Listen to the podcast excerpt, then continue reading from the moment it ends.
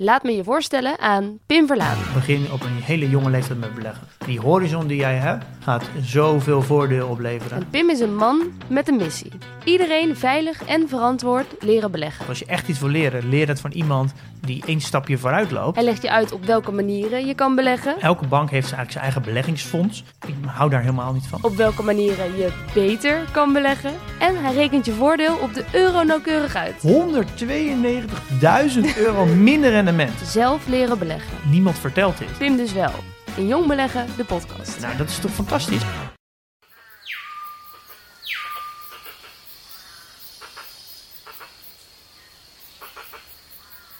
Ja, misschien checkte je al even of je de juiste podcast op hebt staan. Nee, dit is niet je meditatieaflevering. Het is gewoon DinoCast. Maar vandaag hoor je weinig gebrul en veel geruis en gekraak. En gekauw.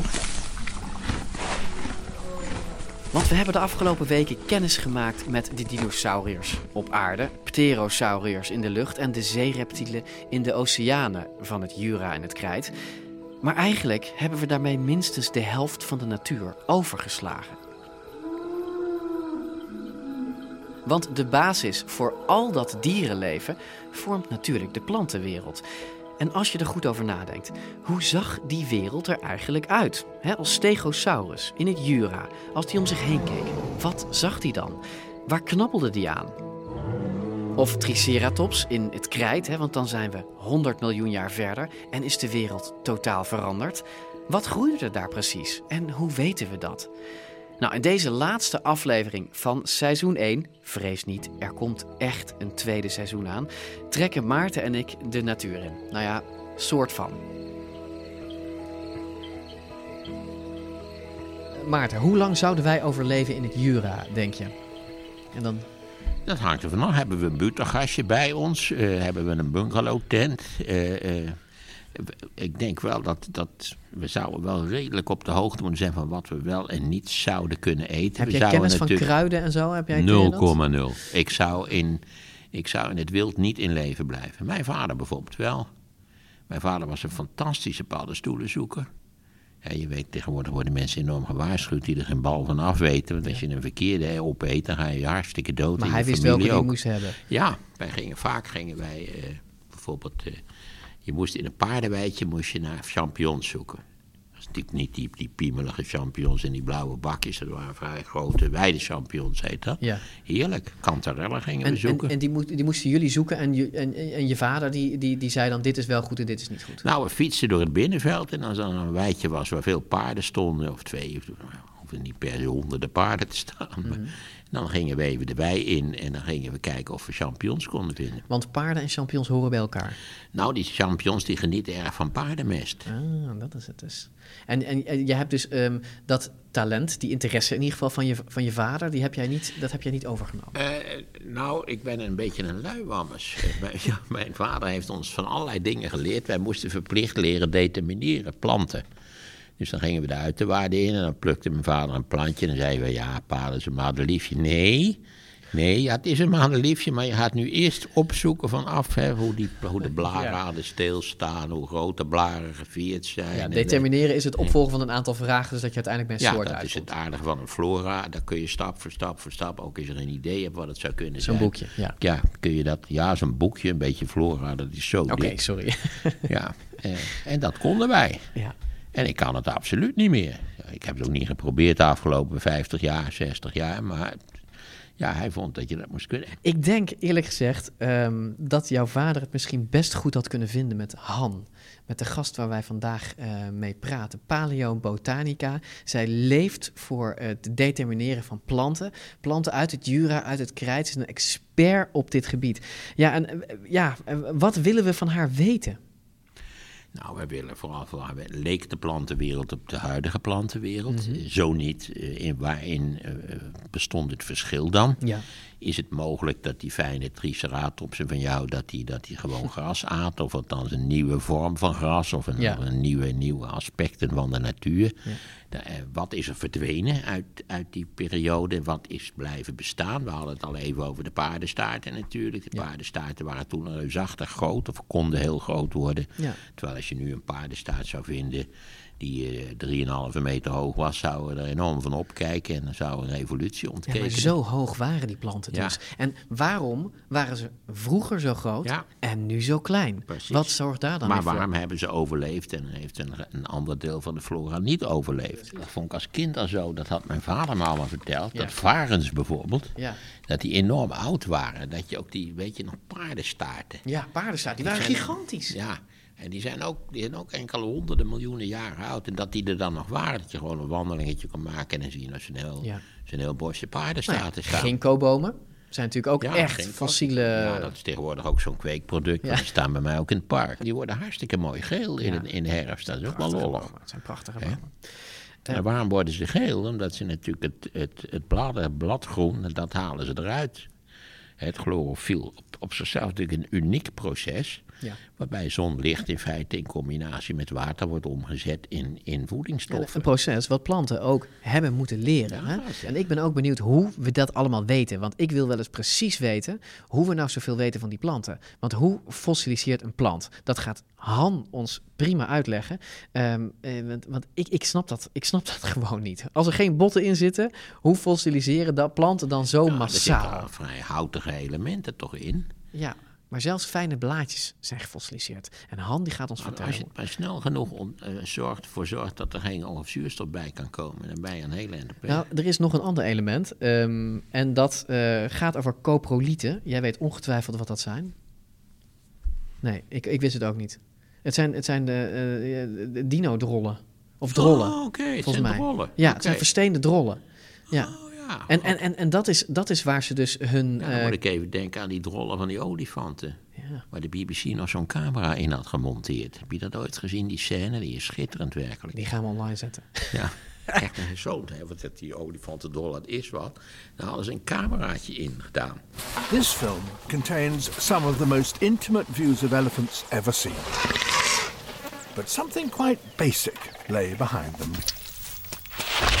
Dung. But not all is quite what it seems. These cunningly disguised dung cams infiltrated the herd. Their aim was to explore elephant intelligence from the inside. En, en, en waardoor je, je hele, hele leuke opnames hebt van die olifantenkudde. Maar de olifant is niet voor één gat gevangen. Na enige tijd begrijpen ze dat er iets, iets, niet, in orde is. En dan ze met die, met die poten er tegen, tenslotte trappen ze hem geloof ik plat. Als ik het mooi. Het is een schitterende scène.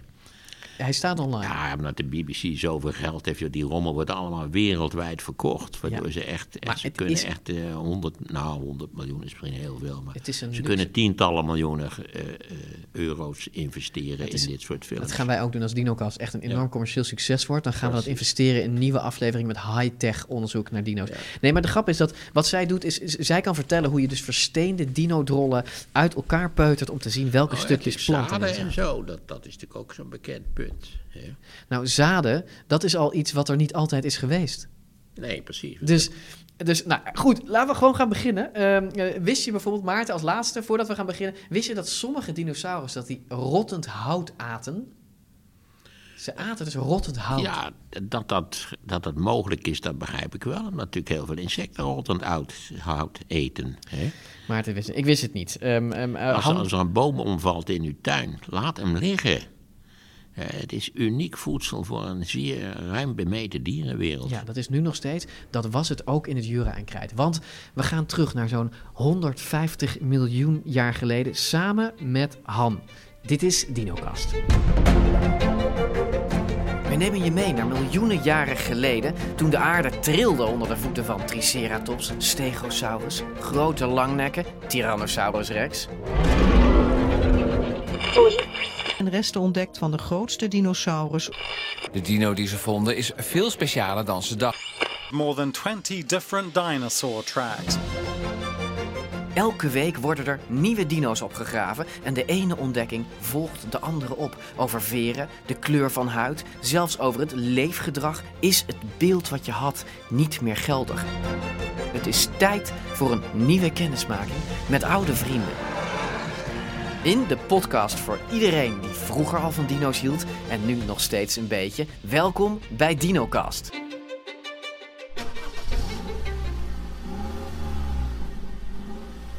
En de dinoplantenkunde die voert me naar het westen van ons land. Ik ben op weg naar Han van Konijnenburg. Zij is dus paleobotanicus en woont in Castricum, een plek waar je de duinen al kan zien en de zee kunt ruiken. En als ik de straat inrij, is eigenlijk al meteen te zien waar Han woont. Want in de tuin staat een rijzige ginkgoboom met een tooi van groene blaadjes die geel worden in de herfst. Nou, die ginkgo is een, een knipoog naar iedereen die iets van plantenkunde weet. Want in het Jura en het Krijt van 100 miljoen jaar geleden vonden dinosauriërs precies bij bomen als deze voedsel en beschutting. De gingo's, die zijn er nog. Zij hebben de tand destijds doorstaan. Maar vele planten kennen we alleen van flinterdunne fossielen en afdrukken in gesteente. Han heeft haar hele leven gewijd aan zulke fossielen, kreeg zelfs de orde van Oranje Nassau voor haar werk. Maar een expert, nou, dat is een vies woord. Ik ben Han van Konijnenburg, paleobotanicus, oftewel iemand die iets weet van fossiele planten. Iemand die iets weet van fossiele planten, dat is het grootste understatement wat ik, uh, wat ik recent heb gehoord. Nee hoor, helemaal niet. Je weet maar een heel klein beetje. Ik leer nog steeds. Maar ik zou u beschrijven als een van uh, de grootste experts op het gebied van planten uit het Jura. Ja, Mesozoïcum in het algemeen, maar in Jura het meeste. Ja, dan, dan zijn we het eens dat u daar een groot expert in bent. Ja, precies. En we zijn niet alleen. We hebben nog een gast vandaag en dat zul je soms wel gaan merken. Want Han woont samen met een jonge poes waar ze erg verknocht aan is en die zich enorm interesseert voor ons. Nou ja, niet voor ons verhaal, maar vooral voor de snoeren van onze microfoons. We gaan nu opnemen met de poes. Ja, dat is hartstikke goed. Uh, een poes van een half jaar die zich uh, overal tegenaan bemoeit. En dat is ook wel gezellig. Die poes die heet, hoe heet de poes? Jara. Hè? Jara. De poes heet Jara. Nou Jara, luister mee naar het verhaal. Want dan leer je ook van alles over hoe het zat in de dino-wereld met, met, met alles wat er aan planten groeide. Jara die is alweer met een bolletje aan het spelen. Restant muis, waar geen staart meer aan zit en geen oren meer aan zitten. We moeten er wel even bij melden dat het een stoffenmuis is. Want anders ja. klinkt het heel luguber dit. U hebt, eigenlijk, u, hebt eigenlijk uw leven gewijd aan het plantenleven van miljoenen jaren geleden. Toch hebben we het, als we het over die tijd hebben, hebben we het voortdurend over die dinosaurussen. Is dat niet ongelooflijk irritant? Nee hoor. Nee, echt niet? Nee, echt niet. Ik heb het nooit irritant gevonden. Die hele plantenwereld heb ik ook altijd zo fascinerend gevonden. Want het, het hangt zo met elkaar samen. Natuurlijk, het is logisch dat grote beesten als, als die dino's, en vooral de grote, dat spreekt aan. Dat is, uh, als ik met kleinkinderen vroeger naar de dierentuin ging, dan was de olifanten en de giraffen en zo waren het meest interessant, want ja. die waren groot. Maar eigenlijk werk je dus decennia lang in de schaduw van die dieren. Terwijl wat ze aten natuurlijk ja. elementair is voor hoe ze waren. Ja. Maar daar is zo weinig aandacht ja, voor. Daar is weinig, bij het grote publiek weinig aandacht voor. Binnen de wetenschap niet. Oké, okay, u ziet er nog steeds dus... uit als een heel gelukkig mens. Ja hoor, ik heb er overigens an, allerlei andere dingen ook in mijn leven gedaan. Niet ja, alleen nee, dat natuurlijk. Gelukkig maar. We gaan met Han en Jara nu miljoenen jaren terug in de tijd. En ik wil met haar de twee belangrijke periodes van de dinotijd bespreken: het Jura en het Krijt. En we beginnen dus met het Jura-tijdperk, zo'n 200 miljoen jaar geleden toen de wereld er nog heel anders uitzag dan nu. En dat bedoel ik heel letterlijk, want de continenten zoals we ze nu kennen, die bestonden nog niet. Nee, op dat moment. Op dat moment hadden we nog Pangea, dus het hele continent wat aan elkaar vast zat. En in de Jura begint zich dat op te splitsen.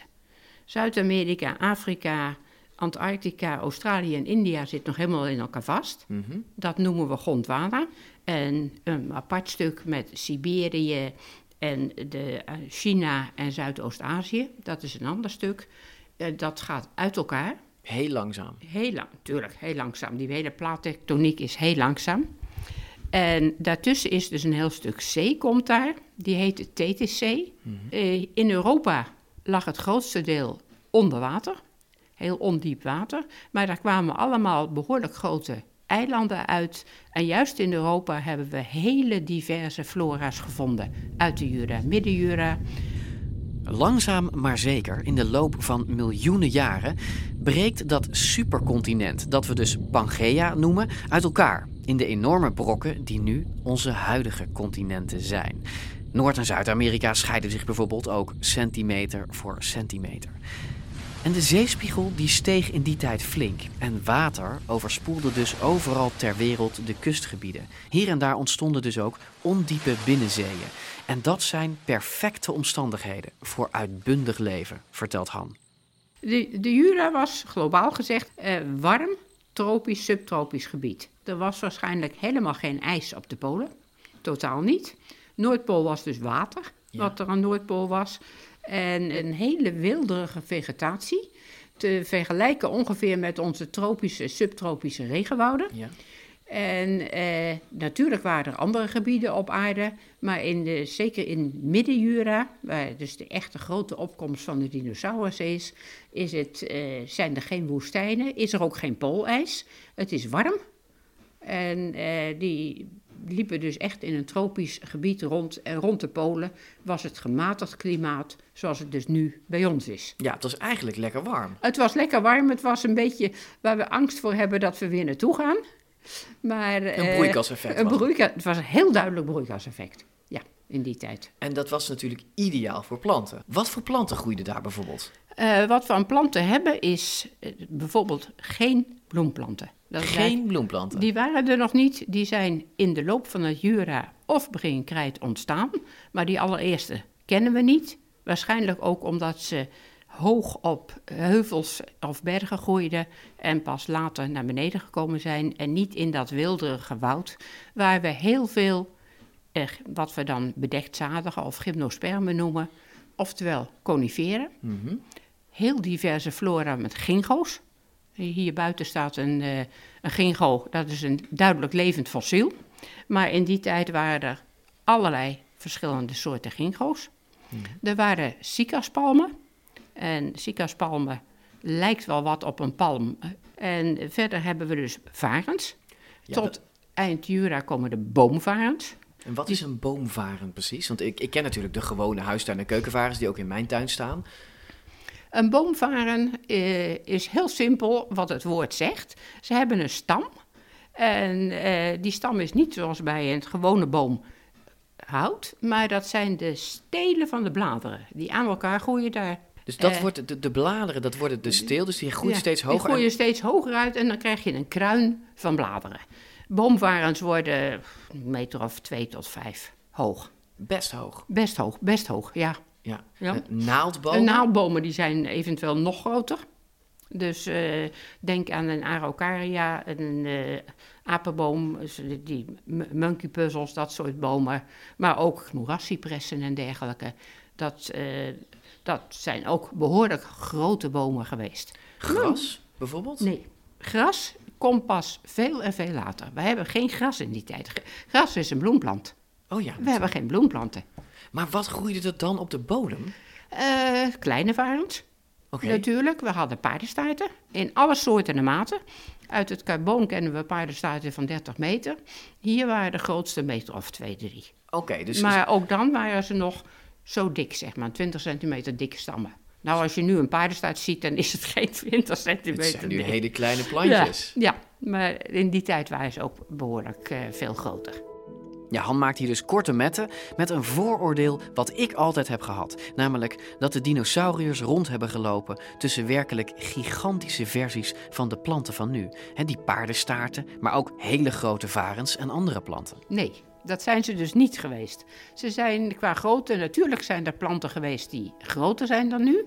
Die paardenstaarten bijvoorbeeld, we hebben geen paardenstaarten meer van een 20 centimeter doorsnee en een paar meter hoog. Ja, toch hebben we dat niet verzonnen hoor. Het is niet zo'n gek idee, want ooit bestonden er dus echt paardenstaarten, zo groot als bomen, hè, van wel 30 meter hoog. Maar dat was nog ruim 100 miljoen jaar voor het dinosaurustijdperk in, Han noemde het net al, in het Carboon. En dat was de tijd waarin de eerste amfibieën en reptielen het land gaan verkennen. En niet zij, maar planten waren toen de heersers over de aarde. Samen met reusachtige insecten. Ja, denk aan libelles of duizendpoten van 60 centimeter lang. Of een schorpioen van die grootte. En je zou dus twee handen nodig hebben om zo'n dier vast te houden. En ook planten werden dus, zonder echte concurrentie, gigantisch groot. In het Jura, de tijd van dinosauriërs als, als Stegosaurus en langnekken als de Diplodocus, in die tijd waren de reuzenplanten wel verdwenen, vertelt Han. De meeste planten in die tijd hadden het formaat van de planten nu. Een simpele reden dat ze anders opgegeten werden. Dus als je te groot was, werd je opgegeten? Nou, als je die, die, die, die, lange, die langnekken die daar uh, uit die bomen aten, net als een giraf, die, die aten die, die bladeren weg. Die, die boom kon gewoon niet doorgroeien, want hij werd opgegeten. En Stegosaurus liep daar dus rond. Hij knabbelde aan, eh, nou, zeg maar paardenstuiten. Die schijnen erg lekker geweest te zijn. Zaadvarens. En daar was hij gek op. Bijna alle zaadvarens die we gevonden hebben als fossiel zijn aangegeten. Dus, dus je, je hebt zaadvarens gevonden die zijn aangevreten? Ja hapjes uit, uh, uit de bladeren. Het kunnen behoorlijke happen zijn. We hebben ook in het poeponderzoek dus uh, allerlei restanten gevonden van juist zaadvarens die die beesten dus duidelijk gegeten hebben. Zaadvarens werden niet zo vreselijk groot, het waren struiken, mm -hmm. uh, geen bomen. Maar juist de, de wat,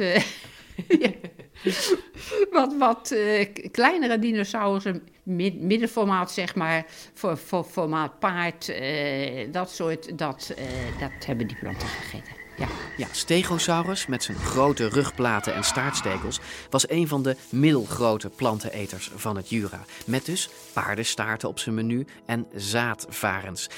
En voor het eerst valt het woord wat ik nog veel zal horen vandaag: poeponderzoek. Hoe weten we wat, wat, wat een dinosaurus at? We weten natuurlijk niet exact wat een dinosaurus at. Maar er zijn een aantal dingen die daar aanwijzingen voor geven. Dat is punt 1 het gebit of de maag. Bepaalde dinosaurussen die stenen in hun maag hebben om te verteren. Maar vooral weten we het uit zogenaamd coprolietenonderzoek. Oftewel gewoon versteende poep. Stront. gewoon stront. Oké. En, en die versteend. En, en kun je dat dan, zoals je een uh, braakbal of zo uit elkaar haalt, kun je die nog uit elkaar halen? Ja, je kunt, nou, uit elkaar halen heeft geen zin, wat plantendelen. Maar je kunt het chemisch zodanig bewerken ja. dat uh, de restanten over zijn en dat je daaraan kan zien of het alleseters zijn die van alles er nog wat in zit, of dat het echt maar één of twee soorten zijn die die beesten aten. Oké, dus help me. We hebben een, we hebben een um, hoe heet zo'n versteende drol? Een coproliet. We hebben een coproliet. Die hebben we hier voor ons liggen. Um, die is van steen. Die is... Of van mineralen. Ja, in, precies. Ja. ja. En hoe krijg ik hem dan open? Uh, daar heb je een chemische techniek voor, die uh, heet. Mm -hmm. Waarbij je het in met geconcentreerd salpeterzuur met kaliumchloraat doet.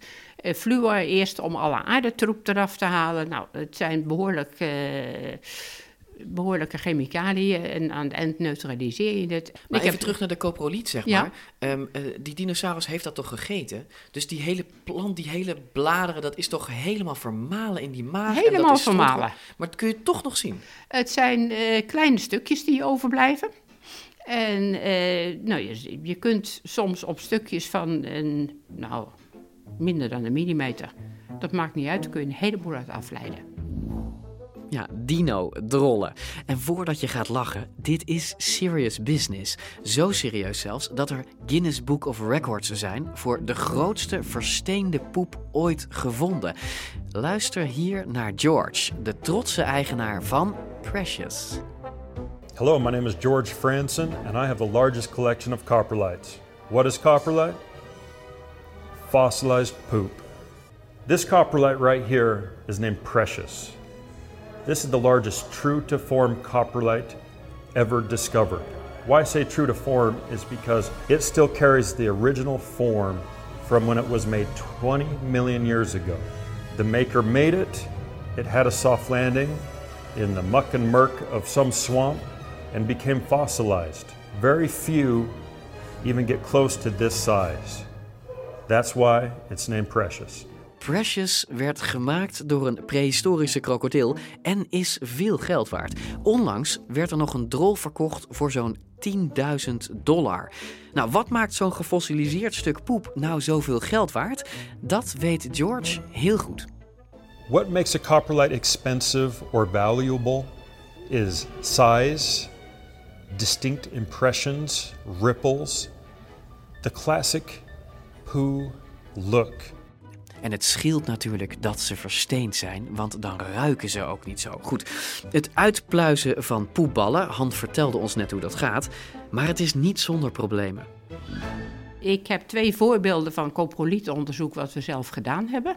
De ene waren kleine keuteltjes, uh, ter grootte van zeg maar een, uh, een konijnenkeutel. Mm -hmm. En daar kwam één bepaalde zaadvaren uit.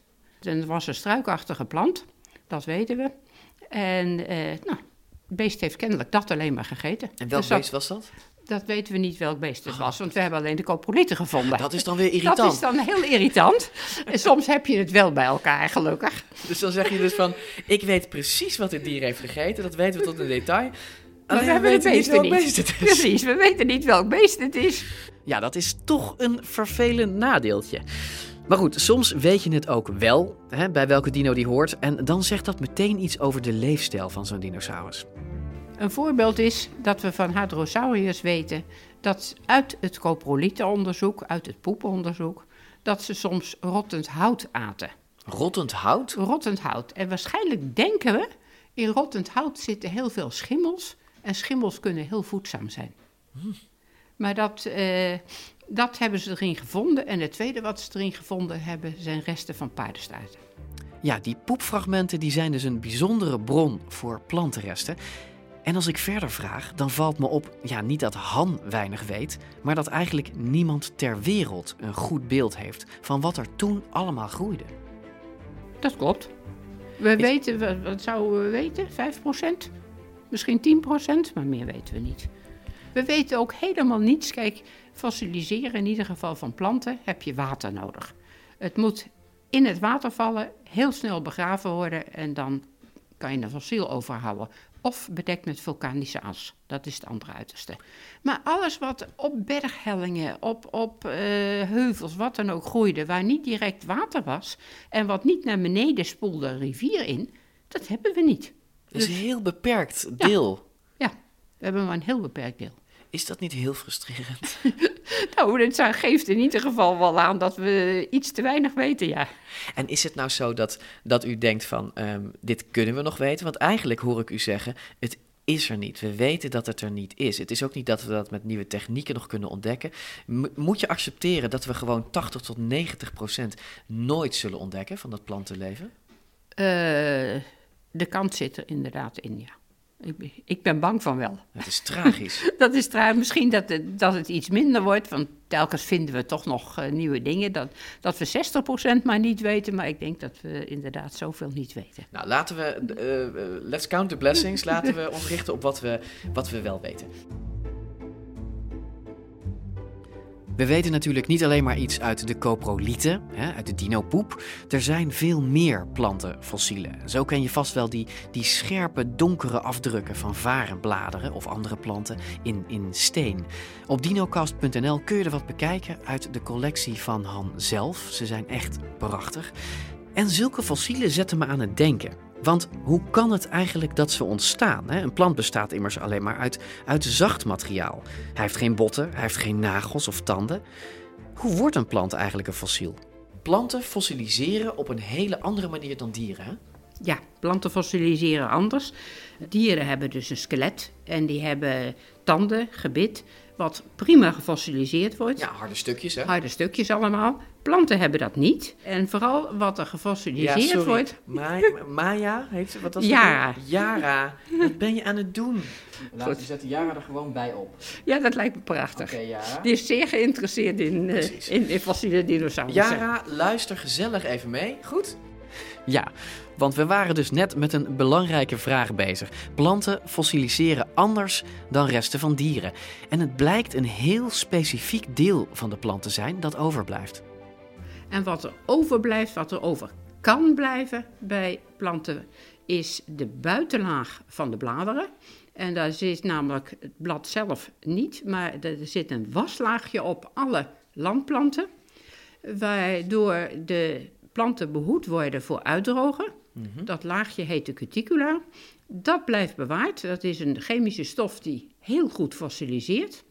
En die kunnen we chemisch bewerken, waardoor we de celstructuur van de laag van de planten eronder precies waar kunnen nemen. Dus de grap is, de plant zelf verdwijnt. Ja. Alleen het, het, het, het, ja, het vetlaagje wat de plant beschermt, dat blijft over. Dat- Dus, dus je ziet eigenlijk geen, geen echte plant, je ziet een afdruk daarvan. Die buitenlaag, daar kunnen we dus heel veel aan afleiden van wat voor groep planten het is. Je kunt de huidmondjes prachtig waarnemen erin. Je kunt iedere cel zien. En met moderne technieken, vroeger was het alleen chemisch bewerken en dan een lichtmicroscoop. Gewoon een ouderwetse microscoop? Gewoon een ouderwetse microscoop. Ik heb er hier ook nog eentje staan.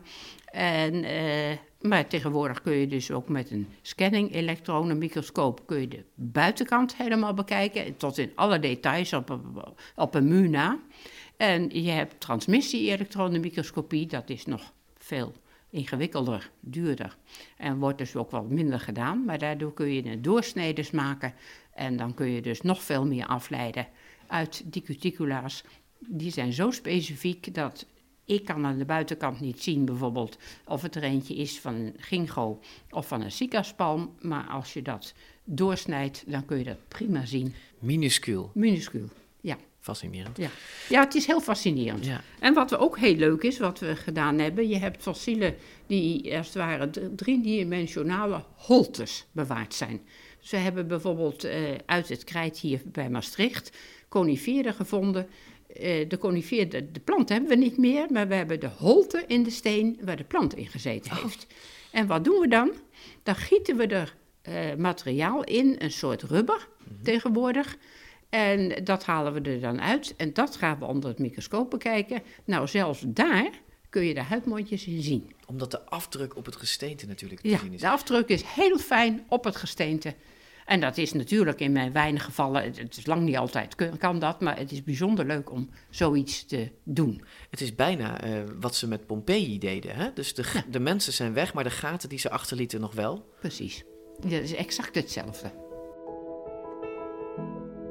Oké, dus door bijvoorbeeld het bestaan van dat, dat vetlaagje, dat cuticula heet, door microscopisch onderzoek en door die coprolieten, nou, dat woord vergeet ik dus nooit meer, kunnen we ons toch een, een voorstelling maken van wat er toen allemaal groeide en bloeide. Ja, en daarmee dus ook van wat dinosaurussen aten. Zoals de langnek-dinosaurussen van het Jura. Die langnekken hebben hoog in de bomen, eh, net als een giraf tegenwoordig, hebben ze bladeren gegeten. Vooral van, eh, denken wij, want dat hebben we uit het coprolietonderzoek. Uit, uit de- poep. Uit de poep Ja. hebben we van coniferen. Daar er is heel veel resten van coniferen zijn, is En- gevonden. En die waren er in die tijd dus massaal. Die waren er massaal. Juist in dat Mesozoïcum In de dino-tijd. vind je dus heel veel eh, naaktzadige planten. En dus coniferen. En die cicaspalmen en ginkgo's. Die zijn echt over de hele wereld verspreid. En dat was het merendeel vooral van de hogere vegetatie. Ja, hoge vegetatie, dus je moest een lange nek hebben om daarbij Ja. te komen.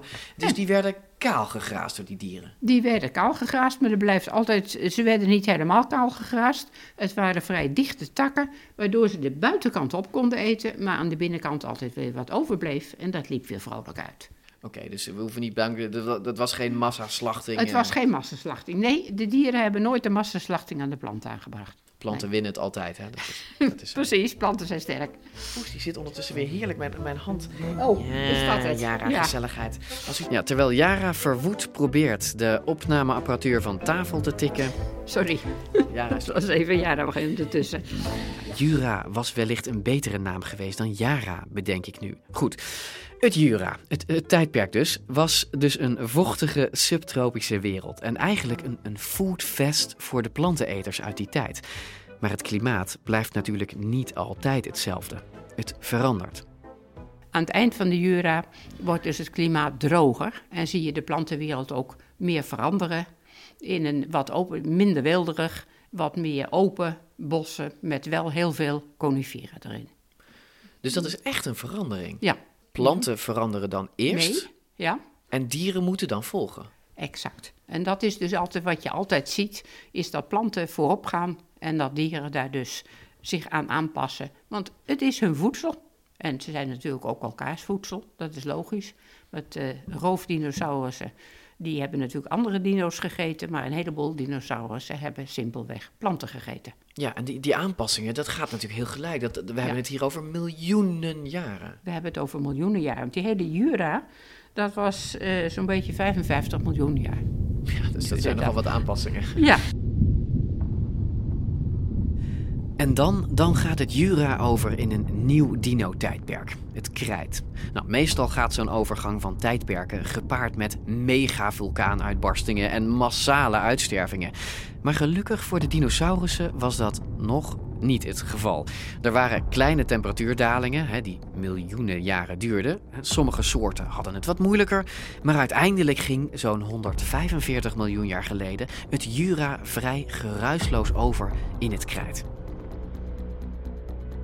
Maar in dat tijdperk verandert de plantenwereld op spectaculaire wijze. Door bijvoorbeeld die temperatuurwisselingen, maar ook omdat de continenten verder uit elkaar drijven. Want dit is de tijd dat de wereld langzaam zijn huidige vorm aanneemt. De verbinding die er eerst nog was tussen Europa en Noord-Amerika, die verdwijnt. En dinosaurussen en planten kunnen vanaf dat moment dus niet meer heen en weer reizen en gingen zich apart van elkaar ontwikkelen. Maar overal ter wereld maakte een nieuw soort plant een enorme opmars. Een ontwikkeling die alles zou veranderen en tot op de dag van vandaag nog voortduurt. If you could go back about 150 million years past the Cretaceous to the Jurassic period, you'd see plants that probably looked familiar, but still the picture would seem a little incomplete. Before flowers, the earth was covered with green plants like ferns, pines, and the now extinct seed ferns. Their reproduction was relatively slow and inefficient. Pollination was mostly carried out by the wind. In de loop van het krijt ging, uh, gingen die bloemplanten zich ontwikkelen. En vanaf het midden van het krijt krijg je een explosie van bloemplanten. En die pikken, wat we dan noemen de niches, in van al die lagere planten. Je moet het me even uitleggen. Want, want uh, er komen bloemplanten op. Um, ja, ik dacht eigenlijk dat uh, alle planten bloemplanten waren, maar je hebt meerdere soorten planten. Ja, je hebt meerdere soorten planten. Als je dus heel simpel begint, je hebt mossen, je hebt varens, je hebt wolfsklauwachtige. Uh, dat zijn allemaal sporenplanten. Je krijgt die ginkgo's. je krijgt allerlei soorten coniferen. Dus allemaal naaktzadige. Dus de zaden zijn niet helemaal omgeven.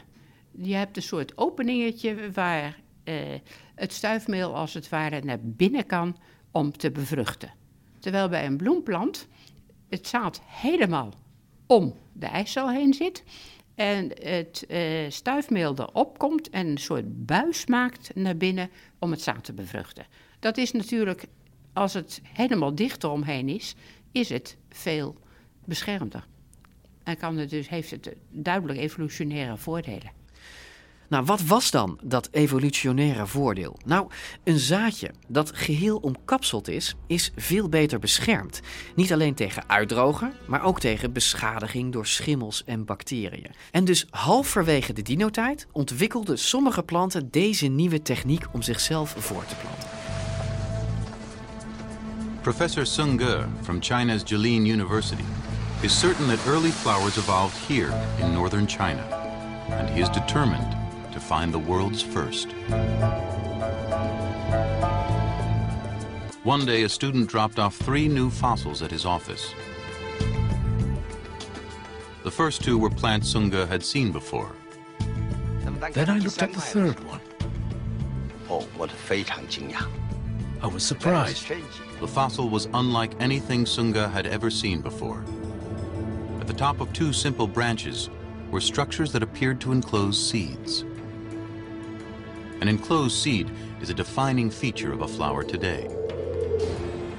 Could this be an early flower? Kijk, wij zijn dat heel erg gewend. Maar in die tijd was het dus nieuw. Dat planten een, een middel vonden. Die dachten, hé, hey, er zijn insecten. Die insecten kunnen onze, onze sporen, onze, onze zaden natuurlijk ook uh, verspreiden. Dat was een nieuw idee. Een innovatie. Het uh, was een soort innovatie. Bloeiende planten. Bloeiende planten. En uh, die hebben dus inderdaad waarschijnlijk bloemlaadjes eromheen gehad met kleuren. Hoe, wat voor kleuren ze gehad hebben, wat voor insecten ze aantrokken en zo. Dat kunnen we helaas nooit te weten komen. Ik ben bang dat dat echt iets is wat we. Nou ja, uh, we, we, weten de laatste jaren pas, en dat is ook gedacht dat het nooit kon, dat je weet wat voor kleur dino's hebben, wat voor kleur Daarom. veren hebben. Het kan natuurlijk. Het kan. Houd hoop. ik zal mijn best doen, maar ik denk niet dat ik het nog beleef. Oké, nou we gaan het zien. Maar wat we wel weten, is dat die innovatie werkt. De modernere, bloeiende planten gaan die oudere soorten namelijk razendsnel verdringen. Eventually, the fossil record shows that flowering plants came to dominate the globe. Today, flowering plants make up the biggest single group in the plant kingdom, accounting for more than 80% of the world's terrestrial plants. They clearly were the winning evolutionary strategy.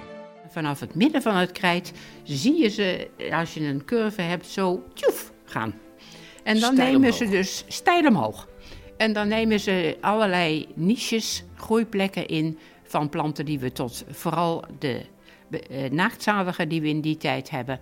Vooral dus de zaadvarens, die verdwijnen dan. Dat zijn de eerste die verdwijnen. Uh, als de bloemplanten opkomen, je krijgt cicaspalmen, die gaan zich terugtrekken. Lage coniferen hebben we niet meer. Ze, ze gaan allemaal de hoogte in en op hellingen en dergelijke. En het gewone vrij vlakke land komt dus heel veel bloemplanten. Want die hebben een betere voortplantingsmanier. Ze zijn effectiever. Ja. Um, en wat zijn dan de gevolgen voor de dinosauriërs? Want die moeten zich daar natuurlijk op aanpassen. Die moeten ander voedsel gaan eten. Maar het is natuurlijk geleidelijk gegaan. Dat is, dat is heel simpel. Dat, dat, dus dat ging wel? Dat ging wel. Dat hele krijt is ongeveer 100 miljoen jaar geweest.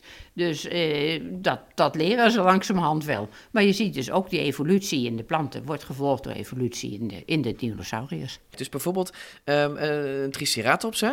Of een, uh, zoals Jan Smit zegt, een triceratops, zegt hij toch of niet? Nou ja, ik weet ja, dat nooit. Ja, ja. Um, een, een, triceratops. We hebben, bij ons heet het in de afkorting trici. Oh, dat, is nog, dat zou nog beter zijn. Oh, je moet natuurlijk geen hap nemen.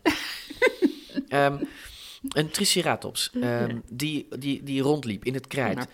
Wat heeft, wat heeft hij gezien? Wat, wat, hebben, wat heeft Tyrannosaurus om zich heen gezien? Wat voor planten groeiden daar? Uh, die heeft heel veel naaldbomen om zich heen gezien, maar ook best bloemplanten die uh, langzaamaan in het begin heel klein waren en langzaamaan uitgroeiden tot uh, bomen van een meter of twintig. En daar heeft hij vrolijk tussen rondgelopen.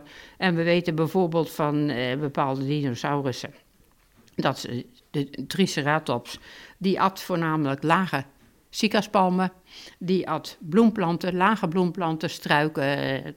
Dat vond hij allemaal waarschijnlijk heerlijk. En even tussendoor, ook Yara blijkt een Triceratops te hebben.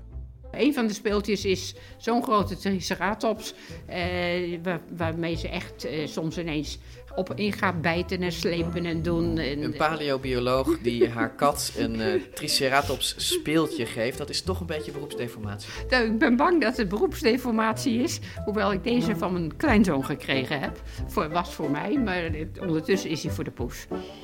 Oké, terug naar de triceratops, die dus vrolijk kauwend rondliep tussen de bloemplanten van het krijt. Daaraan kwam zo'n 66 miljoen jaar geleden een vreed einde.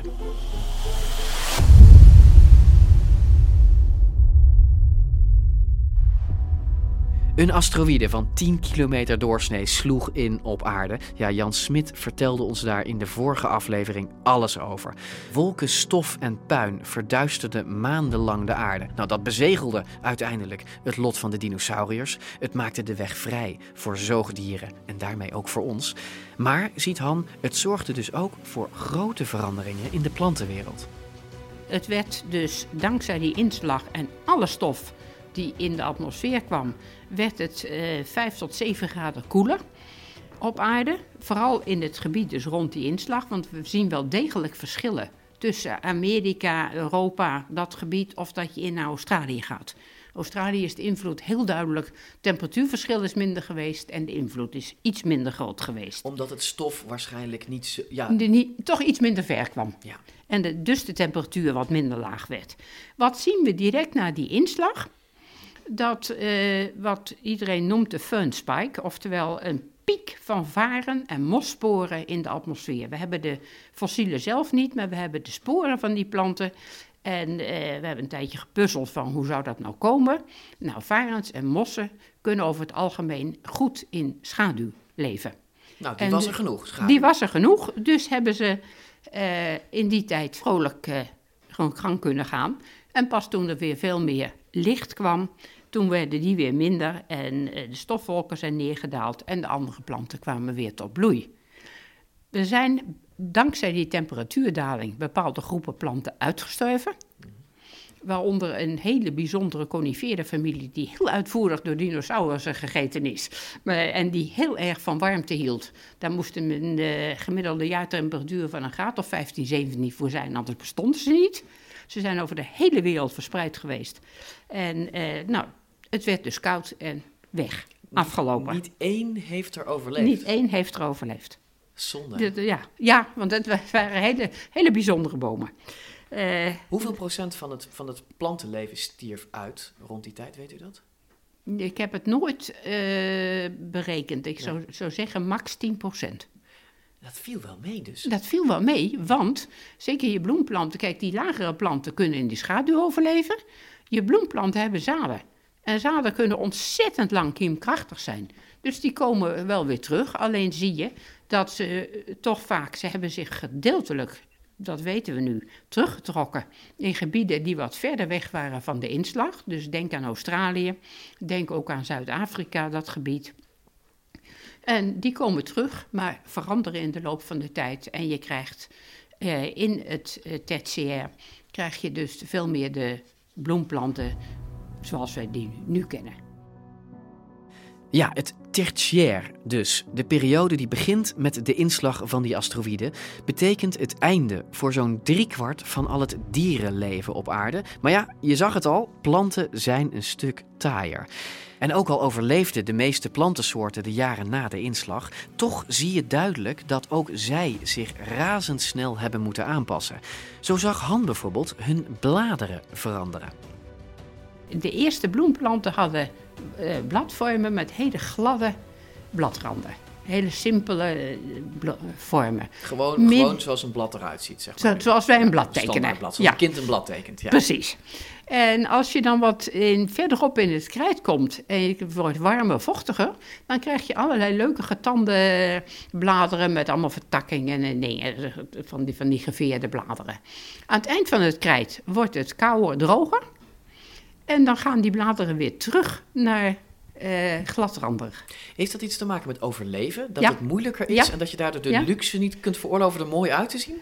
Nou, niet er mooi uitzien. Hoe meer oppervlak je hebt, hoe meer je uh, verdampt. Dus, dus uiteindelijk werden die planten minder frivol? Ja. Waarom? De planten werden minder eh, frivol, minder eh, vertakt, zoals zeg maar een, een, een, plataan vertakt was of een kastanjeblad of wat dan ook.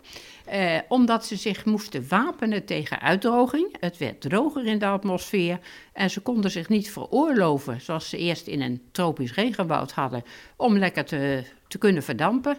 Als ze te veel water zouden verliezen, dan zouden ze sterven. Dus het bladoppervlak moest kleiner worden, minder verdamping mogelijk. En op die manier overleefden ze. Dat is heel mooi. Dus eigenlijk een, een soort, je ziet hier een voorbeeld van, van plantensoorten die zich dus heel relatief snel moeten aanpassen aan veranderende klimaatomstandigheden. Ja, dat, maar dat kunnen planten. Planten kunnen zich sneller aanpassen dan dieren. Wat grappig, want je denkt altijd dat planten langzamer zijn. De tijd van de dinosauriërs is voorbij en dat brengt ons ook aan het einde van dit plantenverhaal. Een kunstmatig einde natuurlijk, want planten trekken zich weinig aan van dino's, maar toch. En die nieuwe wereld van het tertiair was de wereld waarin een verschijnsel opkwam waarvan we ons nu niet meer kunnen voorstellen dat het er niet is geweest, namelijk het gras. Dus er ontstaat heel duidelijk een andere wereld. Aan het eind van het krijt krijgen we bijvoorbeeld al grassen. Nou, grassen houden niet erg van, uh, van, van droogte en zo, maar ze overleven wel, dankzij hun zaden. En, en in het tertiair zie je dus bijvoorbeeld dat je de hele steppes krijgt, allemaal begroeid met gras. Het begin van het uh, tertiair is er heel veel gras geweest. De, we krijgen qua beesten, die dinosaurussen zijn uitgestorven, maar je krijgt kleine zoogdieren, die krijgen nu de kans, die, die pakken als het ware de niche op die de dinosaurus achterlieten. En een heleboel daarvan zijn grazers geweest die heel vrolijk uh, al dat gras aten. Want dat was in grote hoeveelheden voorhanden. En op de grazige grasvelden van het tertiair laten we jullie achter. Terugdenkend aan die dino-tijd. Ja, ik stel me voortaan Stegosaurus voor in het Jura die koud op paardenstaarten. Hadrosauriërs op rottend hout.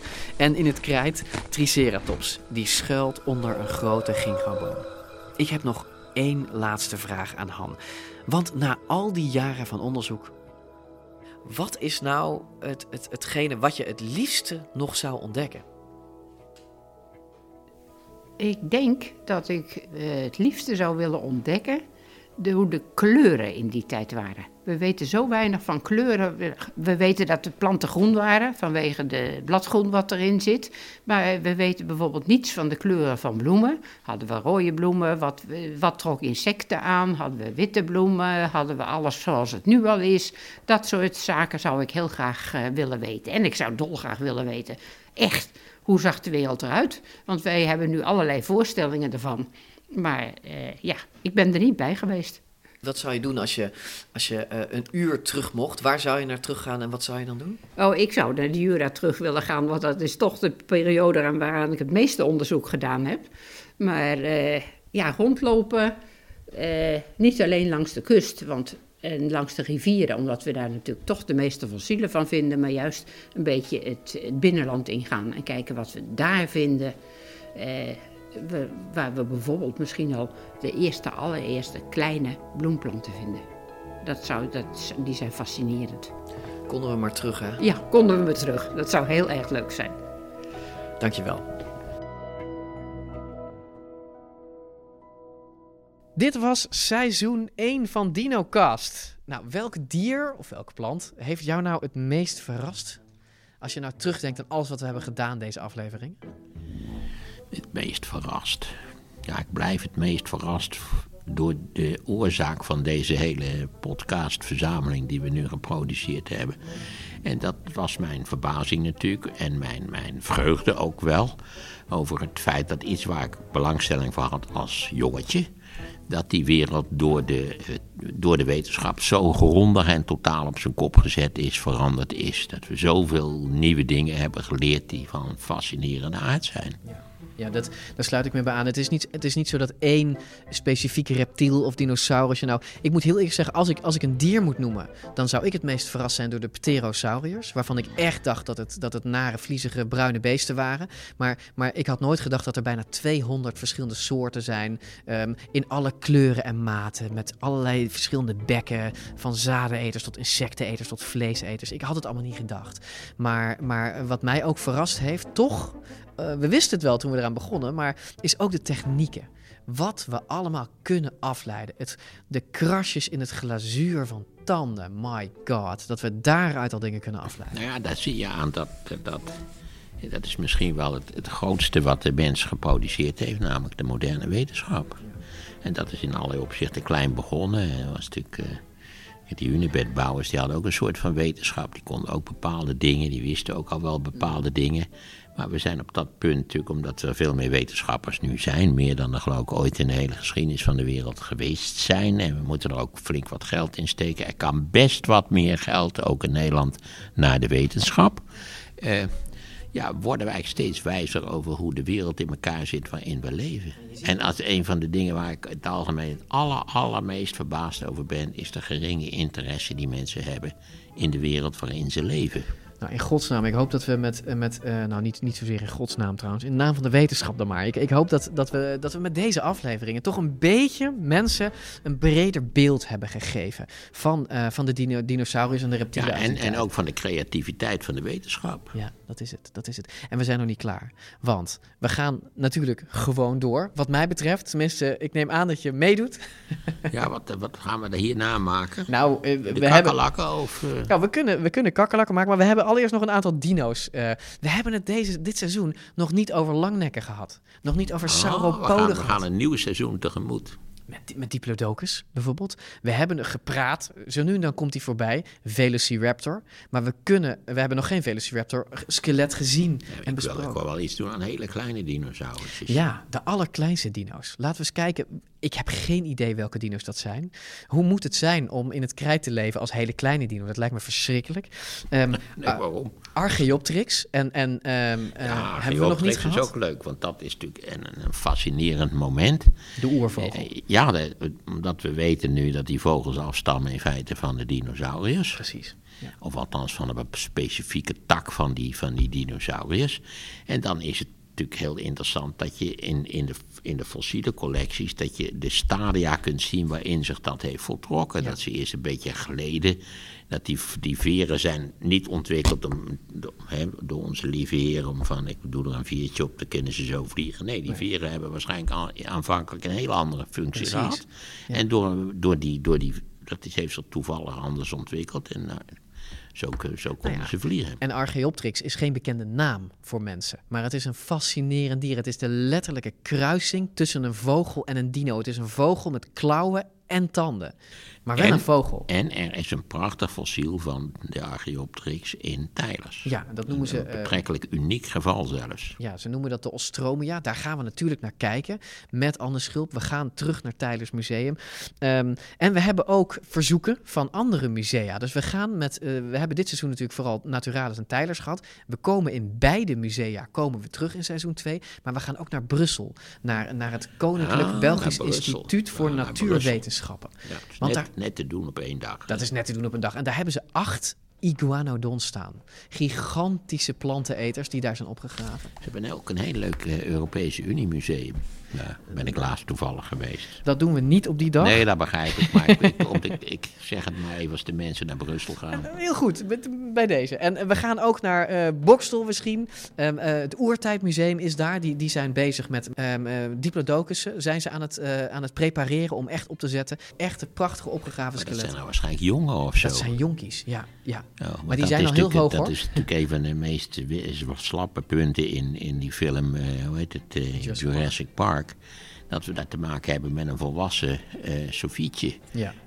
Terwijl eh, we mogen aannemen dat de beesten toch zelfs in vrij hoog groeitempo toch jaren en jaren en jaren over gedaan heeft om zo groot te worden. dat klopt.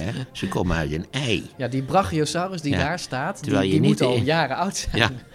Ja, je, dat je niet de indruk hebt dat het project al jaren en jaren en jaren... Weet je dat ik daar nog nooit aan had gedacht? Nou, hebben ze daar wel een escape? Hè? Ze hebben een ander eiland ehm, waar ze dan fokken. Maar goed, dat Maar ja, terzijde. dan nog zijn ze daar al twintig jaar bezig geweest. Maar goed, ehm, Maastricht, ehm, ook daar is van alles te zien. Een prachtig museum hebben ze daar. Die hebben ons ook benaderd. Dus Maarten, we hebben zoveel stof voor een seizoen 2. Ik heb er nu al zin in. Ja, maar tenslotte zullen we de hele levende haven van de planeet, eh, van het verleden en het heden, en natuurlijk de toekomst, die gaan we onder de loep leggen. We zijn nog wel even bezig. Jongens, het was een waar genoegen om dit eh, ook met jullie als luisteraars ehm, eh, mee te maken. Wij gaan ons voorbereiden op seizoen 2. Hou onze website in de gaten. En natuurlijk, als je geabonneerd hebt, dan krijg je ook de, eh, vanzelf een waarschuwing. Maar abonneer je op onze nieuwsbrief en op onze social kanalen. Dan houden wij je op de hoogte zodra dat tweede seizoen begint. Tot ziens voor nu en tot snel. Dit was DinoCast.